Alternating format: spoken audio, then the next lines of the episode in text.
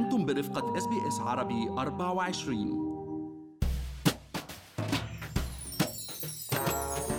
صدرت تقارير عديدة في أستراليا تظهر استمرار معاناة العديد من النساء مع الشؤون المالية وخاصة النساء اللي بتمر أو بتطلع من علاقة زوجية غير صحية. وآخر هاي التقارير كان من مركز الأمان الاقتصادي للمرأة اللي دعا البنوك إلى إجراء التغييرات على الحسابات البنكية المشتركة لحماية النساء من أي إجراء عقابي يمارسه الشريك بحقهن. معكم مرام إسماعيل من بودكاست لنحكي عن المال ورح نحكي أنا والمحلل الاقتصادي عبد الله عبد الله عن توصيات هذا التقرير والخطوات العملية يلي ممكن تحمي حقوق الأفراد وخاصة النساء بالحسابات المصرفية المشتركة بوجه أي محاولة ابتزاز من قبل الشريك. ورح نحكي أيضا بالحلقة عن خدمات مالية خاصة بالنساء اللي بتقدمها منظمة جود شيبرد بس خليني أذكركم إنه كل اللي بنقال بهاي الحلقة هو على سبيل المعلومات العامة فقط وليس نصيحة خاصة. Saludos.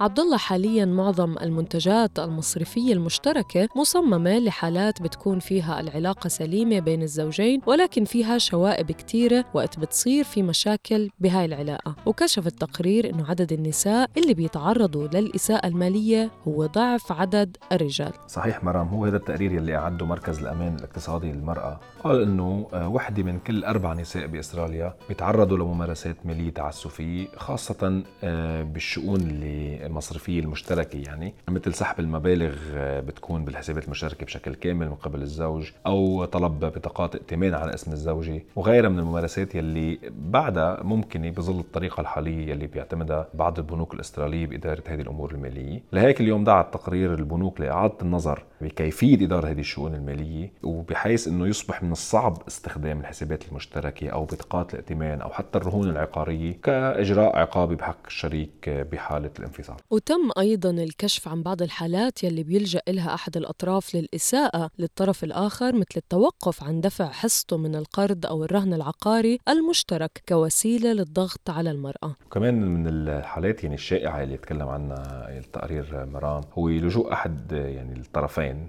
إنه مثلا تقليل حد الأقصى للبطاقه الائتمانية المشتركة وهذا بشيء بيسبب يعني كان مشاكل. آه، يجي أحد الطرفين بده يشتري أحد البضائع مثلا وما يكون في بقى limit بال credit card وهو كان من أحد الأساليب الاساءه لل يعني الإساءة المالية للشريك واقترح التقرير كمان عبد الله على البنوك اتخاذ بعض الإجراءات العملية مثل إنشاء حسابات مشتركة بكلمات مرور منفصلة وتسجيلات دخول أونلاين كوسيلة لضمان عدم استخدام الحسابات كشكل من أشكال الإساءة تجاه النساء في حالة انهيار العلاقات. و- وخاصة بالنسبة لقروض الإسكان مرام يعني التقرير أوصى أنه اليوم البنوك لازم تتيح للعملاء آه، معرفة التزامات قروضهم وخياراتهم في حالة الانفصال بشكل يكون أوضح ومنحهم خيارات تانية بشأن المسؤولية عن القروض مثلا تقسيم المسؤولية 50-50 أو نسبة مئوية متفق عليها مسبقا. ولمكافحة الانتهاك المالي وخاصة من يعني خلال بطاقات الائتمان كمان التقرير أوصى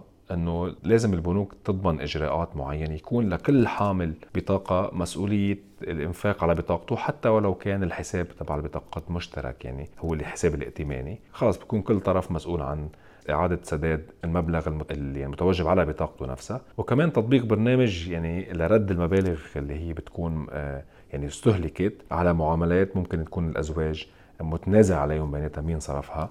بقى هيدي كمان لازم يكون تكون التقرير بيقول إنه لازم يكون في برنامج واضح للحد من من هذه الخلافات. وظهرت عدة مؤسسات ومنظمات نسائية بالفترة الأخيرة في أستراليا لمساعدة النساء يلي عم بمروا بهاي التجارب الصعبة ومنها منظمة جود شيبرد الأسترالية يلي عندها برامج عديدة عبد الله من ضمنها مالية تهدف لأن تكون جميع النساء والفتيات والعائلات آمنة وقوية عبر يعني رحلة أو معالجة القضايا الهامة اللي بتأثر عليهم وعلى عائلاتهم. وحدة من أبرز هاي البرامج آه، المساعدات المالية مرام هي قروض صغيرة بيعطوها من دون فوائد. مثلا اقتراض آه، حد أقصى 2000 دولار للنساء يعني لشراء سلع وخدمات أساسية مثل أغراض منزلية آه، براد تلفزيون أثاث غسالة إلى آخره من الأشياء الأساسية للمنزل. كمان أمور أساسيات تعليم أو أجهزة كمبيوتر وأي شيء خاصه بالتكنولوجيا. كمان ممكن يعني النساء تاخذ قروض أو أمور خاصة بإصلاح السيارات وتسجيلها أو خدمات طبية وطب الأسنان. وللحصول على هذا القرض لازم تكون المرأة عندها بطاقة الرعاية الصحية أو ال health card أو بطاقة التقاعد اللي هي ال pension card أو يكون دخلها السنوي أقل من 70 ألف دولار أو تعرضت للعنف الأسري أو المنزلي في السنوات العشرة الماضية وضرورة إثبات إمكانية القدرة على إعادة سداد القرض. صحيح مرام وبيقدموا كمان قروض بدون فوائد أيضا لشراء سيارة. آه، ومركبة للأشخاص والأسر والدخل المنخفض. وهي أيضا كمان قروض من دون فوائد تتراوح بين 2000 و 5000 دولار مثل ما كنا عم نقول شراء سيارة أو حتى سكوتر أو دراجات نارية وقوارب. ونفس الشروط اللي ذكرتيها قبل بخصوص مين بحق له يقدم هاي القروض كمان يعني تنطبق على قروض شراء السيارة. وعندهم أيضا برامج مساعدة الأشخاص اللي عم بيعانوا من ضائقة مالية عبر معالجة قضايا مثل ديون بطاقات الائتمان أو التاخر عن دفع الإيجار والتخلف عن سداد القروض وعقود الهاتف. وكمان بهذا البرنامج مرام في مساعدة للتفاوض مع الدائنين يعني بهيدي المؤسسة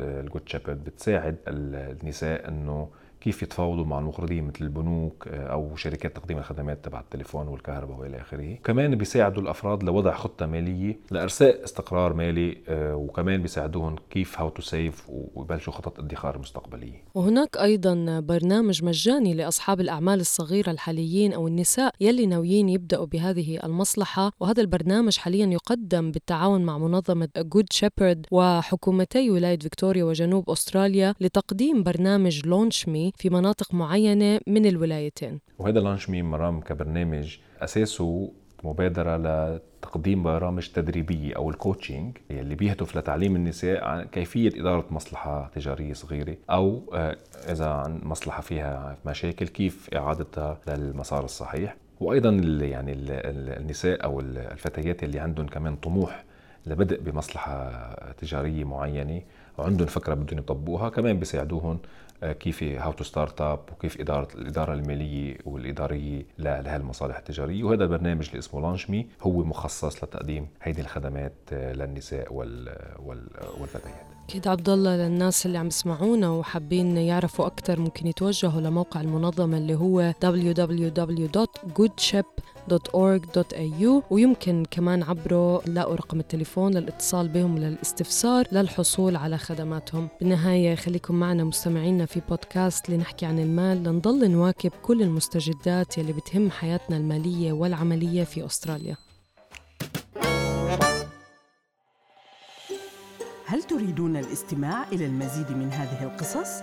استمعوا من خلال أبل بودكاست، جوجل بودكاست، سبوتيفاي أو من أينما تحصلون على البودكاست